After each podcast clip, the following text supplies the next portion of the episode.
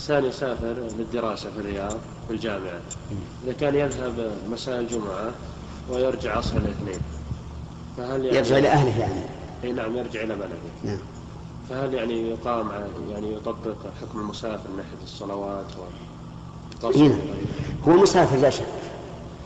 لأنه لم يتخذ بلد الدراسة وطنا ولم ينوي فيه الإقامة المطلقة.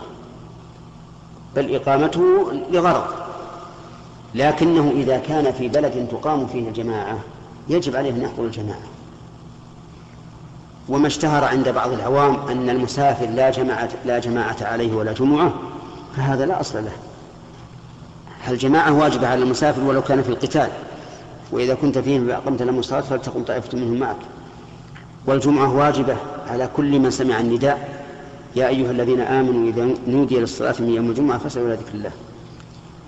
لكن إذا فاتتك الصلاة مثلا هناك أو كنت في مكان بعيد عن المساجد فإنك تصلي ركعتين.